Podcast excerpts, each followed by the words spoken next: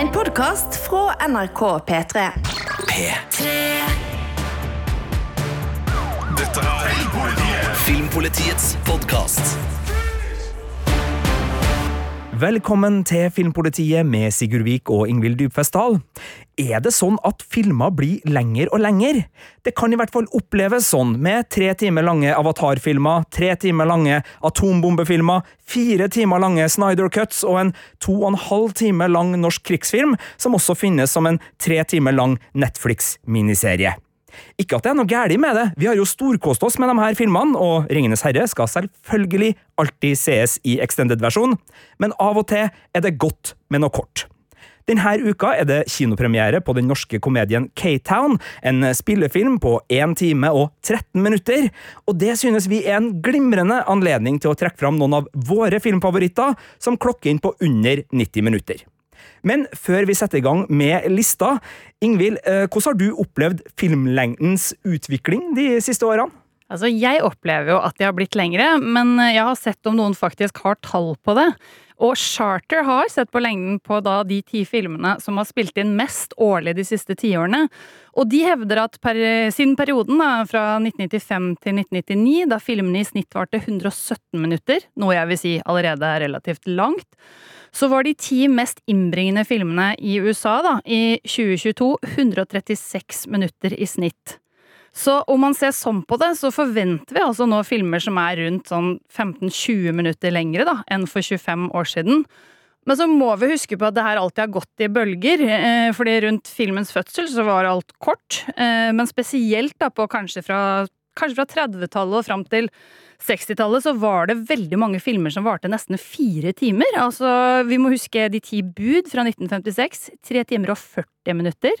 Eh, Lawrence of Arabia fra 1962. 3 timer og 38 minutter.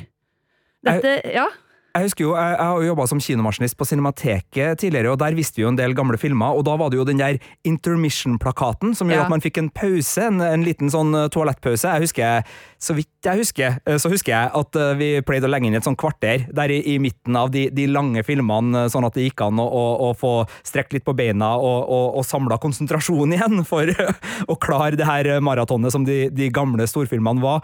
Men ja, du har jo rett, det har jo vært sånn lenge, men samtidig så, så sitter jeg med en sånn opplevelse av at den der eh, 90-minutteren, altså 1 12 times filmen, som i min oppvekst var liksom standard for både komedie og actionfilm og skrekkfilm og en del sånn eh, underholdningsfilm, da. Det er vel den jeg kanskje opplever, men jeg, jeg har jo ikke tall på det, men jeg opplever at den har liksom sneket seg opp på, på to og to Ja. pluss, og spesielt altså Jeg må ærlig innrømme, jeg er lut lei lange superheltfilmer. Altså, de, de er stort sett to timer, to og en halv time, noen er oppå tre, og det har jo også noe med superheltmettheten min å gjøre sånn generelt, tenker jeg, men det er mange av de filmene jeg kjenner at ok, det her kunne ha vært uh, klippet litt mer effektivt og hatt litt mer energi i seg, men igjen, det kan også bare være fordi at alle universene er så gigantiske nå at du er nødt til å dytte inn så gæli mye. Ja, altså jeg kan stille meg bak deg på den, men det er jo en logikk i det her som du sier. Jeg husker jo også alle disse halvannentimesfilmene fra da jeg vokste opp. Eh, Logikken her, Sigurd, er VHS-kassetten. For med dens inntog så var det et par tiår der med filmer som holdt seg under ti to timer, fordi det var jo faktisk ikke plass til mer. Det, er jo, det var jo et fysisk format, det her som eh, ikke alle husker eller har fått med seg. Hadde du dobbeltvideokassetten av øh, øh, ja, Det var nå én ting, men jeg tenkte på den Kevin Costner, uh, altså Danser, med, danser med ulver. Kom på dobbel uh, VHS. Ja. Jeg tror også Tatt av vinden fantes på dobbel VHS. Ja, Doktor Chivago på dobbel VHS. Det var en del. Ja, det var nettopp det. Da måtte de over på dobbel, og da ble det neppe så innbringende igjen. Så det her henger jo sammen med økonomi, men jeg tenker jo at nå, de siste årene, at vi har sett en økning igjen, henger jo også sammen med at strømming åpner for lengre formater. Det er jo ikke samme, samme begrensningene rent fysisk, og så er jo det å, hvis det spilles inn digitalt, nødvendigvis, det er jo billigere enn å spille inn på film. Eh, og samtidig så ønsker jo kinoene da at de filmene som settes opp, blir mer som eventet for å skille dem fra strømmefilmene. Så vi har liksom flere bevegelser som går i alle retninger der. Men jeg håper jo, og jeg er enig med deg, noen filmer skal jo bare kle den lengden de har, men innimellom så er jo regissører veldig dårlige på å kill your darlings, som eh, vi prøver å ja, som de, Det er jo ikke noe gøy å drepe dine kjære, men av og til må du gjøre det. Nei, og, og det her skulle jo egentlig ikke være en, en kritikk mot lange filmer, fordi filmer skal få lov til å være så lang som de er. Som du sagt, det skulle mer, mer være en sånn der litt sånn åh, En hyllest Ja. til de som faktisk klarer å fatte seg i korthet. Det er nettopp det, og, og da er jo spørsmålet hva er fordelene, syns du, med filmer på under halvannen time? Jeg syns jo først og fremst så rekker du to filmer den kvelden i stedet for én, og så slipper du å ta dopause i filmen. Det er jeg veldig fornøyd med. Det er noe der, og det er jo også noe med liksom øh, Hvis man har en, en, øh, en, en Spesielt på hjemmefronten, da, en, en filmaften som skal liksom øh, Å, det har vært artig å se noe nå, og så begynner man å liksom bla i filmer man kunne tenke seg, og så ser man sånn Å ja, den varer i to og en halv, den varer i tre.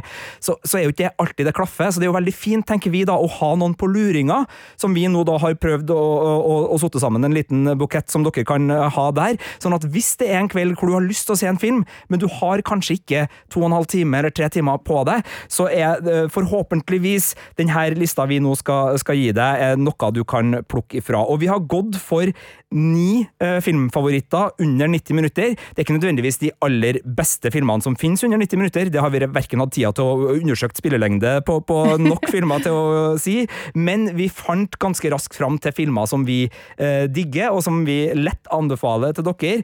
Eh, og så var det jo noen, noen regler her, selvfølgelig. Altså, eh, filmtipsene skal være under 90 minutter, det vil si 90 minutter er for langt, noe som var hjerteskjærende for meg, for jeg hadde så mange filmer jeg trodde jeg skulle være med på en liste her. Å ja, Ja. den er akkurat 90 minutter. Altså Kommando med Arnold Schwarzenegger, en kjempeactionfilm fra det glade 80-tall. 90 minutter. Får ikke være med. Eh, Det andre er at vi har droppa animerte familiefilmer. Rett og slett fordi Det er for mange at, av eh, dem. det er for mange gode der. Eh, Altså Løvenes konge, Toy Story, Jungelboken. altså det, det, Min nabo Totoro. altså det, det er veldig mange gode.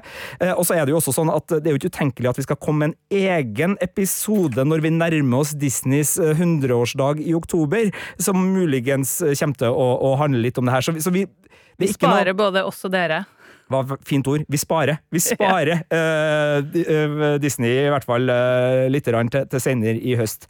Men vi har da kommet fram til uh, ni filmer under 90, eh, og vi skal jo da i likhet med det vi hyller av filmer her, Prøv å kort, fatte oss i en, en viss korthet, sånn at denne episoden her ikke blir to og en halv time, i hvert fall. Det Lykke til til oss med det. Lykke til med oss for det, og her begynner vi på lista.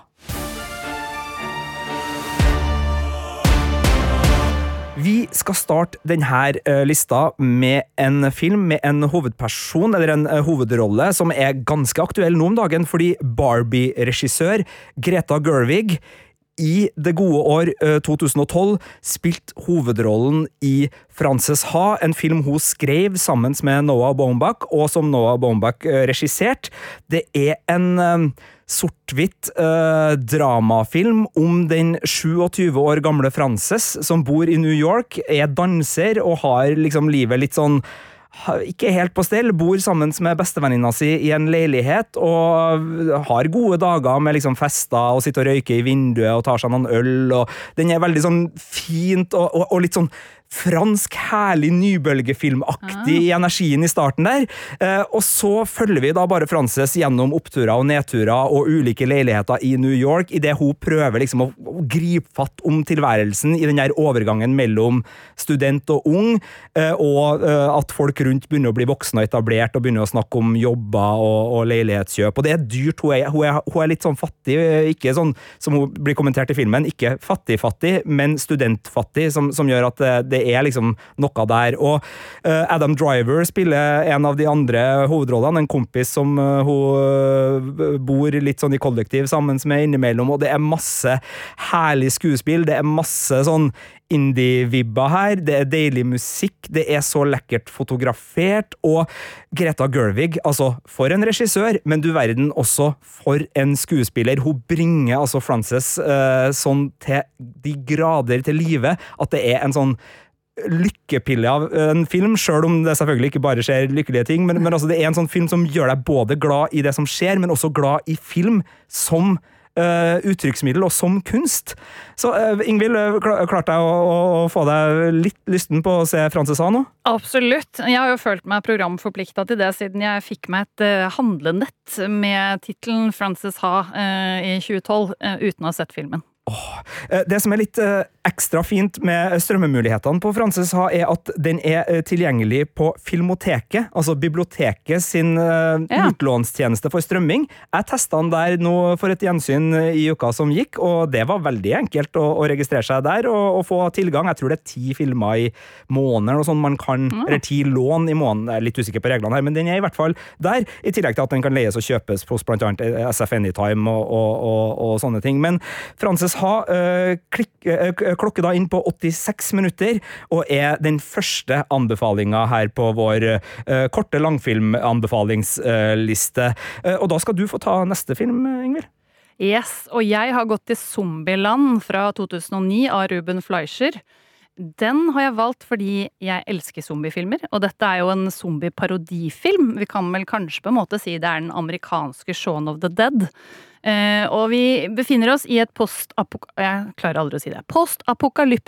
USA som er fylt av zombier. Det er ikke sånn kjempelenge etterpå, det er, jeg tror det er to måneder etter at dette har skjedd. Og der prøver en sånn sjenert student, uh, spilt av Jesse Eisenberg, å komme seg til familien i Ohio. Men på veien så møter han av skytekåte Tallahassee, spilt av Woody Harrelson, og et ganske så frekt søskenpar, Wichita og Little Rock, spilt av Emma Stone og Abigail Breslin. Og de søstrene de vil bare til en fornøyelsespark, mens Tallahassee forsøker å finne jordens siste Twinkie, som eh, jeg aldri har spist selv, så jeg vet ikke. Jeg tror det er en slags krysning av kjeks og kake. Ja, eh, jeg har, eh, i hodet mitt så er det alltid sånn litt sånn marshmallow-aktig, ulike farger, sånn vridd i, i ei flette, men det er jo ikke det som er Twinkie. Men, men det har liksom alltid vært oppi hodet mitt. Men Twinkie er vel et av de uh, snacksene det snakkes mest om i amerikansk film, ved siden ja. av beef jerky og en del andre ting, som, som, vi kanskje ikke har vært så heldige å fått i norske butikkhyller. Nok om det. Hva er det med Zombieland som, som svinger såpass godt at du trekker den fram her på en sånn kjapp liten filmnytelse på under 90 minutter? Altså, Nå hadde jo Deadpool og Spiderhead manusforfatterne uh, Rhett Reece og Paul Vernick. Wernick. Og så er det jo regissør Ruben Fleischer. da. Han regisserte seinere Gangster Squad, Venom, Stumptown og Uncharted, blant annet. Men det er jo den her absurde miksen av uh, ikke sant, zombier, men at disse oppi det her Det er jo en humorfilm. Og så overlever jo særlig da Jesse, eller Columbus som han blir kalt, for de får jo navnet etter hvor de vil. Eh, de vil ikke holde det, de vil ikke bli så kjent, fordi det er jo forferdelig her hvor alle dør. Eh, og de overlever jo ved hjelp av sånne strenge og banale regler, som at du må ha god cardio, du må passe deg for doer. Det er jo vanskelig når hovedrolleinnehaveren har IBS. Du skal bruke setebelte og sånne ting. Men og så er det også at det dukker opp folk som f.eks. Bill Murray og Amber Heard da, i ganske sånn underholdende småroller inni der. Så det er flere ting som gjør at du bør ta en titt på Zombieland, og det kan du. Den varer 1 time 28 minutter og er å få både på Netflix og Viaplay. Ok, Zombieland fra 2009 der, anbefalt som eh, nummer to i, i rekken av eh, korte langfilmer eh, som er blant våre favoritter. Eh, så skal vi på nummer tre reise ganske langt tilbake i tid, eh, helt til 1956, hvor en ung Stanley Kubrick, ja han var vel i slutten av 20-åra, da han skulle lage sin heist-film, nemlig The Killing, eh, som på norsk vel heter spillet er tapt. Ja. Uh, og det er en um, film om et ran på en veddeløpsbane som Quentin Tarantino uh, har sagt uh, ha, altså Da han laga Cyborg Dogs, altså sin film fra tidlig 90-tall, som også er en, en ransfilm, så var The Killing en stor inspirasjonskilde. Fritt oversatt av Sigurd Vik fra et sitat han ikke husker lenger. Men den har altså noen, noen ting ved seg her. For det første så ser du jo, selv om det her er før Stanley Kubrick Kubrick, som senere ble kjent for eh, 2001, En romodyssé, A Clockwork Orange, Ondskapens hotell, Full Metal Jacket, og regnes som en av de aller fremste filmkunstnerne av regissører vi har hatt, eh, så ser du jo liksom Fytti rakkeren, det her er en filmskaper med et blikk og en, et filmspråk som ja. allerede her er uh, utrolig bra. Det er en sort-hvitt-film, det her òg, men den er full av kule blikk, og fortellerstrukturen er også eh, sånn som du merker at regissører som Quentin Tarantino og Jim Jarmers og kanskje uh, til og med Christopher Nolan har bitt seg merke i, for her er det både en historie som fortelles bakover i tid, og du får ulike scener fra ulike vinkler, fordi du følger de ulike personene som er involvert i ranet, og her kan også Oceans Eleven-filmene, uh, både den gamle og, og, de nye, sikkert ha, uh, ha litt å, å, takke Kubrick for. og så er det godt mulig at det var filmer som gjorde det her før Stanley Kubrick også, så jeg skal ikke være sånn nesegrus Kubrick-fan som sier at Kubrick fant opp Nei da. Men, men, det er en skikkelig god heistfilm. Ja, den er gammel, du merker det, men det er masse kult her. Det er en spennende historie som også har masse humor i seg, og en del fem fatals og en del sånne oppgjør og en del sånn tragikomiske utviklinger, fordi smålighet er jo også noe uh, forbrytere og, andre har rundt seg. Så, så, den har mange greiner å spille på, og den er jo da kjapp til killing. Den er 85 minutter. Og det er en, en, film som flyr unna. Jeg husker Første gangen jeg så den, var uh, på kino, og det anbefales uh, virkelig. Altså, fordi ja. Kubrick-filmer i et kinomørke har en ekstra schwung over seg. Da men, må men, man muligens til cinemateker, da? Da må man fort til cinemateker eller noen spesialvisninger. Men heldigvis, da, Stanley Kubrick er en sånn regissør som ofte vises i sånne cinemateksetninger, fordi det er lett å sette opp noen Kubrik-program for å, å, se litt tilbake i filmhistorien. Men uh, den er også å få kjøpt og, og, leid stort sett overalt der du får strømmefilmer, og den finnes også på, på, fysisk format, så den er ikke vanskelig å få tak i. Den er kanskje litt annerledes å se for et uh, publikum som er vant med moderne film, men den er såpass tilgjengelig, tenker jeg, at jeg har ikke noe problem med å anbefale den i denne settingen for dem som er både glad i uh, ransfilmer, og dem som er glad i Eh, godbiter fra filmhistorien. Så det var The Killing av Stanley Kubrick eh, fra 1956. Og så skal vi ta oss en skikkelig karp sving. Stikk til Sverige. Hvor for film nummer fire. Jo, den kan, uh, kan, leies og kjøpes stort sett overalt. Uh, ja, ja, ja. Ikke noe problem å finne The Killing. Den er nok ikke på noen av de strømmetjenestene der du kan abonnere akkurat nå. Sånt skifter jo ganske hyppig, men det var ikke noe problem. Jeg tror iTunes blant annet og flere andre har den. Men ja, Sverige for film nummer fire, Ingvild? Yes, eh, jeg har gått helt til fucking Åmål eh, fra 1998. Det var jo Lukas Modissons første langfilm. Eh, han har både skrevet og regissert den, og han fulgte den senere opp med også kjente til Sammans, Lilia Forever og Mammut, blant annet. Jeg husker jeg elska denne. Det er jo en ungdomsfilm, og den vant masse priser internasjonalt. Fant til og med to Amanda-priser, så jeg. Både nordisk og beste internasjonale. Og jeg husker den som en sånn veldig genuin og søt film. Altså, nå skal jo ikke vi si cringe, men den var ikke cringe. Eh, og det var litt befriende på den tiden. Og fucking Åmot ble jo også et begrep, eh, spesielt for alle vi som bodde på små steder, fordi den utspilte seg jo i en liten småby i Sverige, der eh, du vet florerte med hjemmebrent og hormoner, selvfølgelig, da, blant disse tenåringene. Handler om veldig populær jente som het Elin, og usikre Agnes, som tilfeldigvis også er forelska i Elin. Så dette var jo også en film om skeiv kjærlighet, helt uten å skilte med det på noen måte. Jeg, jeg, må bare være helt enig med deg. Altså, det er jo en av de beste filmene som kom på, på, altså rundt årtusenskiftet. Den er full av flotte rollefigurer. Den er full av et, altså, det, det, er så mye fint i den filmen, og så er den jo så gjenkjennelig når den trykker på de knappene også, så ja. ja. Jeg er veldig glad for at uh, fucking Åmål var under 90 minutter. Når du liksom kom med den, så bare sånn Åh! Konge! Det er jo helt nydelig å få med den på denne lista. Ja, for det er jo nettopp det. Alle kan kjenne seg igjen i den derre såre ungdomsforelskelsen og eventuelt det å få hjertet sitt knust. Eller noen av oss kan det, i hvert fall. Eh, den varer altså 1 time og 29 minutter, så her er det på ja, hengende du, håret, ja, kan vi si. Ja, eh, og er tilgjengelig på HBO Max.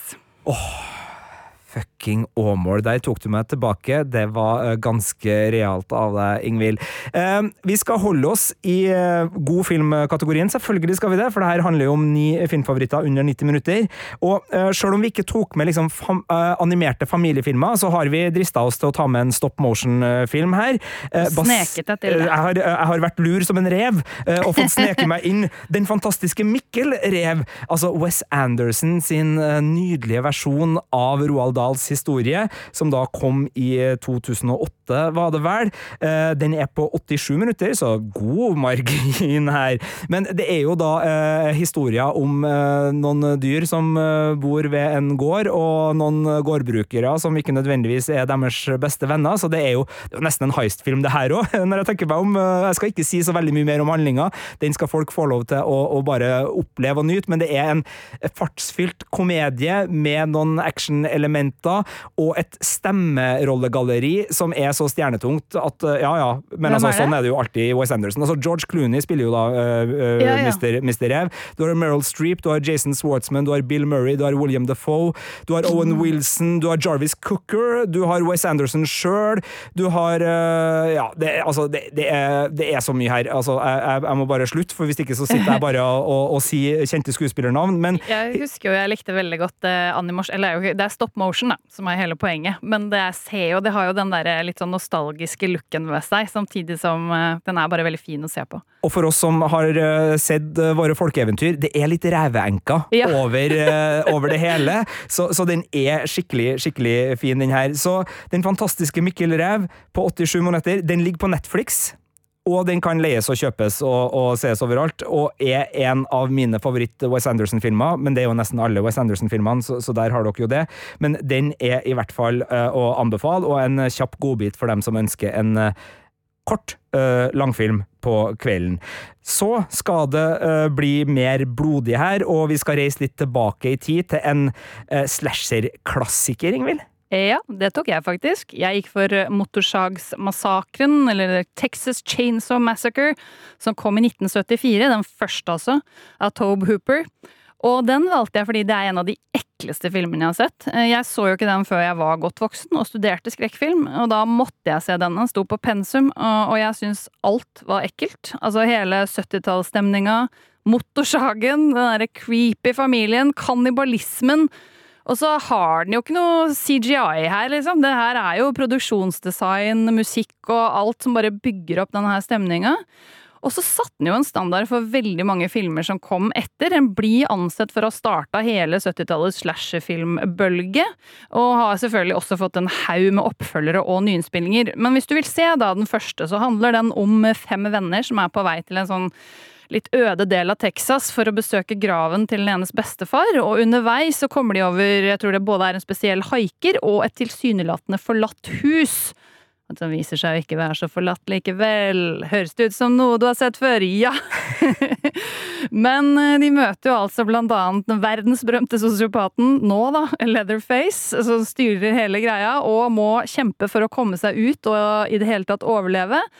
Den har veldig mye blod og gørr. Eh, Den ble også lokka folk til salen ved å hevde at den var basert på virkelige hendelser. Det viste seg at bare filmskaperne var liksom lett inspirert av Ed Gein. Altså, den var jo en eh, litt sånn tynn eh, tråd. Men det var jo Tobe Hoopers første langfilm. Ble en hit. Senere så lagde han blant annet Poltergeist og veldig mange oppfølgere til, til Motorsagsmassakren.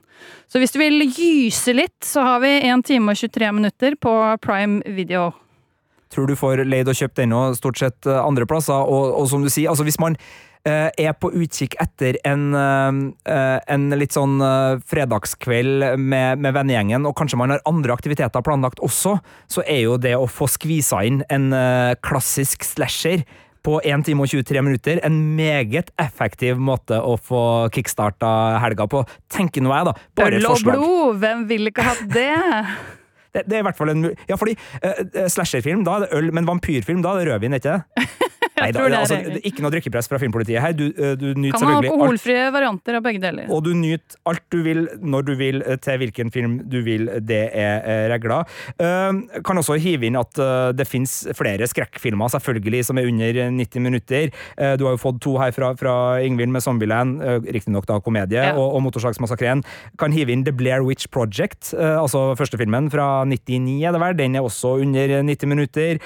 Og Lights Out, som jeg har snakka om før her i podkasten, og dermed så trengte ikke jeg å ta den med en gang til, tenker jeg. Men det er jo en ganske ny, eh, enkel lysbryterskrekkfilm eh, som eh, ga meg mareritt, rett og slett. Så den kan du høre mer om i episoden som handler om filmer som gir oss mareritt. Ja. Men eh, det er altså noe med sånne kjappe skrekkfilmer, og jeg syns det er litt fint det, at skrekkfilmer holder seg relativt kort og fattet, for uh, det er jo uh, artig å kjenne på de følelsene av å bli skremt. Da blir det mer tid til å skrike. Ja, men, men to til tre timer med det, det kanskje da, da låser muskulaturen seg kanskje litt mye i, i uh, brystregionen.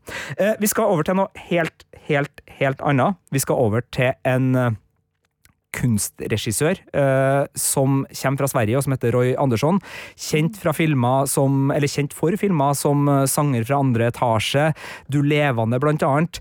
Men jeg vil trekke fram eh, filmen han ga ut i eh, 2020, altså for eh, tre år siden. Da kom Om det uendelige. Kom det ikke i 2019? Det er mulig den kom i 2019. Jeg har i hvert fall anmeldt den, ser jeg, i 2020. Så den Ja. kom på norske kinoer uh, i, i 2020. Uh, og det her er nok en eh, episodisk film fra Roy Andersson, for det er det han er best på. Altså, han bygger sine kulisser og sine scener så møysommelig. Han gir dem en bestemt farge, og så lar han vemodig situasjonskomikk utspille seg. Sånn uh, situasjonskomikk som avslører hvor fortvilt vi mennesker av og til har det. Hvor utrolig liksom eh, Den uendelige gråheten i hverdagen er han en mester på å få fram. Og sånn er det også i Om det uendelige, som er eh, da blant hans aller korteste filmer. Den her klikke, eh, klikke, den klokke, inn på 78 minutter, så det er ikke en veldig lang film. Men det er nesten, altså det jeg skriver i anmeldelsen min, det er nesten som å se Gary Larsons, Larssons Gale verden-stripa okay. i filmversjon. Fordi det er nesten den der eh, rutekomikken. Han, altså han setter opp kameraet sitt på ett sted, og så lar han en situasjon bare spille seg ut. Og, og øh, det er sånne replikker med sånn der jo, jo, sier liksom en sånn gammel mann som blir konfrontert av sin kone, som, som er litt mer sånn du, du, må, du må skjerpe deg, du må, du må se litt lysere på tilværelsen. Jo, jo. Men det er jo så irriterende. Altså, det er den der småligheten vi ikke klarer å gi slipp på. Det er sånn her, ja, jeg har egentlig ingen grunn til å være uh, irritert eller sint, men jeg syns det er irriterende, så jeg blir sint. Altså, sånne situasjoner. Han er altså så god på smålighetens tragedier, Roy Andersson. Så det her er ikke den store narrative filmen hvor du forteller historier. Altså, det henger sammen, og det, det er tematisk øh, veldig øh, lett å, å, å oppleve det som en, en spillefilm, men det, det er også en veldig episodisk struktur her. Så det er kanskje litt for de spesielt interesserte, øh, men hvis du ønsker både en, øh, en kunstopplevelse og en ja, altså Hvis du øh, driver og, og drømmer om å få TikTok-kontoen din til å bli enda litt raffer, så er det ikke dumt å se Roy Andersson-filmer, fordi du verden, med de enkle, fundamentale grepene Hvor plasserer du kameraet? Hvor lenge lar du kameraet gå? Hvor øh, nøye skal du komponere det som skjer foran? Der er det altså så mye å lære av den svenske mester, så for inspirasjon, om ikke annet, se gjerne Om det, om det uendelige, eh, 78 minutter. Den er å få kjøpt og leid eh, stort sett overalt av eh, strømmetjenester. Ligger dessverre ikke ute hos en med abonnement akkurat nå, men sånne ting endrer jo seg eh, fort. Og så skal vi holde oss i Sverige, for du eh, har også tenkt å gå til en svensk mester mester Ja. nå, Ingvild. Og snikskryt så har jeg møtt Roy Andersson, og han var veldig varm og morsom in real life. Oi. Men Ingmar Bergman, han har jeg aldri møtt. Eh, Men jeg tok med han for å balansere mine valg litt, som jo er litt full av skrik og fjas. Eh, Men eh, dette er altså en virkelig høykulturell klassiker. Persona. Eh, og den her beviser jo at også de store filmkunstnerne kan lage kortere langfilm, sånn som Andersson nå, selvfølgelig. Og det her er eh, Ingmar Bergman på sitt mest eksperimentelle. Eh, den filmen fra 1966 har flere sånne montasjer og tablåer, vil jeg kalle det. Eh, Det er mange som har snakket om at du ser en erigert penis. Altså, ikke såpass fort at jeg, kan, jeg så egentlig ikke den, men eh, det er en slakta sau, opptak fra Vietnamkrigen, nærbilde av et øye. Eh, Men handlingen da er liksom at den kjente skuespilleren Elisabeth Fogler, spilt av vår egen Liv Ullmann, midt i en forestilling av Elektra så slutter hun å snakke, og blir altså stum. Og av en eller annen grunn så legges hun inn på sykehus for det her, og ligger der lenge. Og der eh, møter hun sykepleieren Alma, spilt av Bibi Andersson, som prøver å få henne til å snakke. Og så siden det egentlig ikke er noe i veien med henne, så foreslår legen at eh, de to tar en tur til sommerhuset, legens sommerhus faktisk, ved havet. Og der er det sånn intenst samspill hvor det innimellom virker som at Elisabeth fungerer mer som en terapeut for Alma enn omvendt. Og den filmen her ser jo ut til å ta opp eh, spørsmål som eh, har kunsten selv en verdi, eh, hva vil det si å spille roller? Men vi må huske at den er også analysert på 100 ulike måter, og de fleste ekspertene sier at persona er som et speil, du kan finne det du ser etter. Så det kan jo absolutt alle da nå prøve, fordi denne 1 timer og 25 minutter lange filmen den ligger både på Netflix og TV2 Play, og da kan du altså kalle deg en høykulturell livsnyter hvis du ser den. Ja, men det er jo fine ting å gjøre, og det var jo den åttende filmen av de ni filmene, og siden vi nå har kjørt på med to svenske mesterregissører Ja. med litt sånn kunstferdige filmer, så tenker jeg i god filmpolitiånd at jeg avslutter det her med å tipse om actionfilmen fra 1986 Kobra med Sylvester Stallone i hovedrollen. Det her er en av mine barndoms store filmer. Den er selvfølgelig ikke veldig, veldig, veldig bra sammenligna med mange andre eh, filmer innenfor sjangeren og, og i det store bildet. Men kul! Men jeg syns det her var en av de tøffeste filmene da jeg var, var yngre filmtitter. Eh, og det er da tagline 'Crime is a disease, meet the cure', Oi, som oi, oi. er det Sylvester Stallone sier, der han står med et maskingevær eh, på blodrød bakgrunn. Det er et tøft eh, cover, det her. Og eh, det er da eh, en film hvor han spiller politimann uh, Marion Cobretti, kallenavn Kobra, som er en slags sånn enmannshær i, eh, i New Yorks gater, er det vel? Eller er det Los Angeles? Los Angeles er det selvfølgelig det her er, er i. Uh, og eh, han uh, gjør ganske stor skade på ting, og er ganske uvøren i sitt håndverk. Uh, og etter hvert som han har fått litt kjeft fra sjefene og, og, og fangene og folk, så blir han satt på, på sporet av en skikkelig, skikkelig bading som heter Night Slasher, og gjengen hans, eh, og, det er det oppgjøret som er liksom jakten her, da. Eh, Den er jo selvfølgelig ikke veldig eh, god på manus, utover at den forteller ei jakthistorie av den enkleste 80-tallssorten, men eh, Stallone er på sitt kanskje 80-talls kuleste her, både i solbrillebruk i Jeg mener å huske at han har noen sånne avklipte skinnhansker han tar på seg. Han putter Altså, han spiser kald pizza, øh, renser pistolen og snakker med ganske sånn one-liner, korte, harde replikker. Gjør ikke Stallone alltid det? Jo, men her gjør han det på sitt mest stallonske, så jeg syns den er et høydepunkt i, i Stallone-filmografien. jeg hadde jo egentlig tenkt å ta med Kommando med Schwarzenegger her, men så var den 90 minutter, da, så da fikk ikke jeg med den. For jeg ville ha med en av liksom, mine barndoms 80-talls actionfilmer, for det er dem jeg husker som de der Ja, den er kjapp, men den får gjort alt det den skal på de uh, drøye 80 minuttene uh, den trenger. Men siden uh, Kommando akkurat var utenfor rekkevidde her, på 90 minutter, så blir det Kobra. Og jeg må jo også bare si at denne filmen har Den var sensurert i Norge. Så Ja. kampen om å få se den usensurerte versjonen, hvor det er en skikkelig grotesk actionscene, var selvfølgelig en stor del av samtalen for oss øh, i gata da vi snakka om hvordan vi skulle få sett denne filmen. Eh, Jeg hadde en nabo som skal få lov til å forbli anonym, som hadde en opptakskassett der det var mulig. I hvert fall så tror jeg at jeg da så den usensurerte husker jo ikke helt, og vet jo ikke helt, men, men det var en eh, Ja, det, det er et industriområde som er arena for finalen her, og du verden, eh, der var det noen, noen scener, eh, så vidt jeg husker. Så det var Kobra, altså fra Sylvester Stallone. Han har også med på manus skrevet screenplayet, og, og ja, Ingvild, får du lyst? Nei, jeg, ja, jeg, fordi jeg tror jo at jeg har sett Kobra. Fordi jeg har, fikk jo den gjenfortalt av klassekameratene mine. Jeg fikk jo aldri lov å se disse filmene. Men har fått de aller aller fleste gjenfortalt, og derfor går det litt i surr for meg. Men det står absolutt på min liste over ting jeg, jeg har veldig lyst til å se. Åh, Det men- er Ja. Nei, jeg skulle bare si at du, du sneik deg ut når du sniker deg til å nevne ting Ja, som nesten kommer mange ganger. Ja. Jeg vil også snike meg til. Nei, da har vi dessverre ikke tid til, for nå må Nei da, selvfølgelig skal du få snik du òg, Ingvild. Kom igjen! For det er jo mange som nesten kom med her, og det er jo blant annet eh, to av Norges veldig få Oscar-nominerte filmer. Eh, Elling fra 2011, eh, den eh, varer bare 1 time og 29 minutter. Og Veiviseren, eh, som også var Oscar-nominert, fra 1987, 1 time og 26 minutter.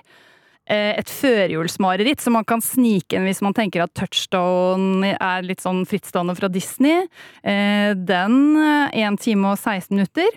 Og så eh, har vi jo The Squid and the Whale, som også er av Noah Baumbach, faktisk. Det stemmer. Eh, den Én time og 21 minutter. Så det er noen av mine nesten, uh, nesten på lista-tips. Ja, jeg kan jo også ta med at uh, jeg har snakka så mye om What We Do In The Shadows, TV-serien i Filmpolitiet, at jeg ikke kunne ta med filmen. Og Birger tatt filmen. Birger har tatt filmen, altså, men What We Do In The Shadows-filmen til Taika Waititi og Jemaine Clement, den er også under 90 minutter og en anbefaling. Og ikke minst, da, kanskje filmen den eh, låner mye fra. Spinal Tap, eller Hjelp, vi er i popbransjen, som den het på, på norsk. Altså den 80-talls eh, mockumentaryen om hardrockbandet Spinal Tap. Den er også under 90 og anbefales selvfølgelig. Kan jo slenge inn på norske filmer da, at Flåklypa er også under Er 90. Ja, ja, ja. Eh, Mongoland er under 90. Eggs under 90. Det er, det er veldig mye gode filmer, og det verste av alt Da jeg la meg i går, så tenkte jeg på en film som var sånn her Ja, ja, ja, ja, ja, den! Og så har jeg glemt den.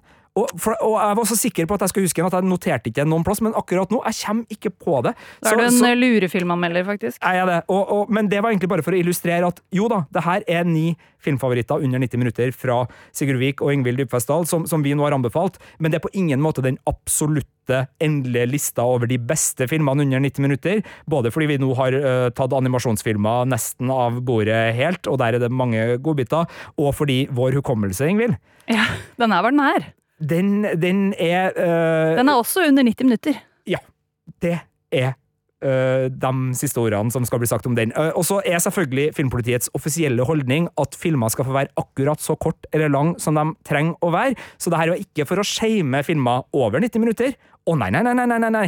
Men det var for å hylle noen uh, som kjører det kort og godt. Og ja, øh, vi skrevler jo i vei, så det her var ikke så kort, men, uh, men det var en relativt kort uh, episode også fra Filmpolitiet.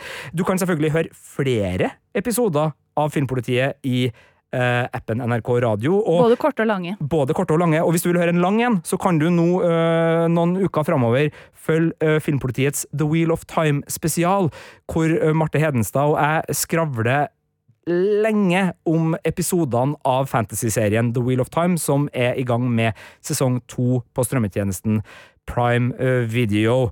Eh, jeg, jeg frykter at det er tretimersepisoder, Ingvild.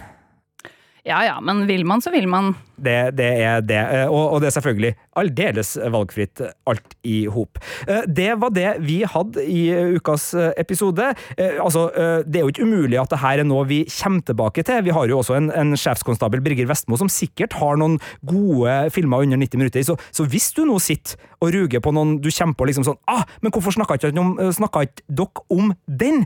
Så send oss gjerne en e-post med tips til filmpolitiet alfakrøll.nrk.no. Det må du også gjerne gjøre hvis du har tema du ønsker at vi skal ta opp i våre episoder, for der er det påvirkningsmuligheter. Vi er ganske lettpåvirkelige, faktisk, både jeg og Ingvild, når det gjelder gode ideer. Så hvis du sitter inne med noe du ønsker at Filmpolitiet skal eh, dykke ned i, så er det bare å sende oss eh, forslag eh, der.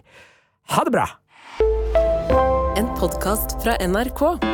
Hei, mitt navn er Erlend Mørk. I denne podkasten snakker jeg om hva jeg vil med hvem jeg vil.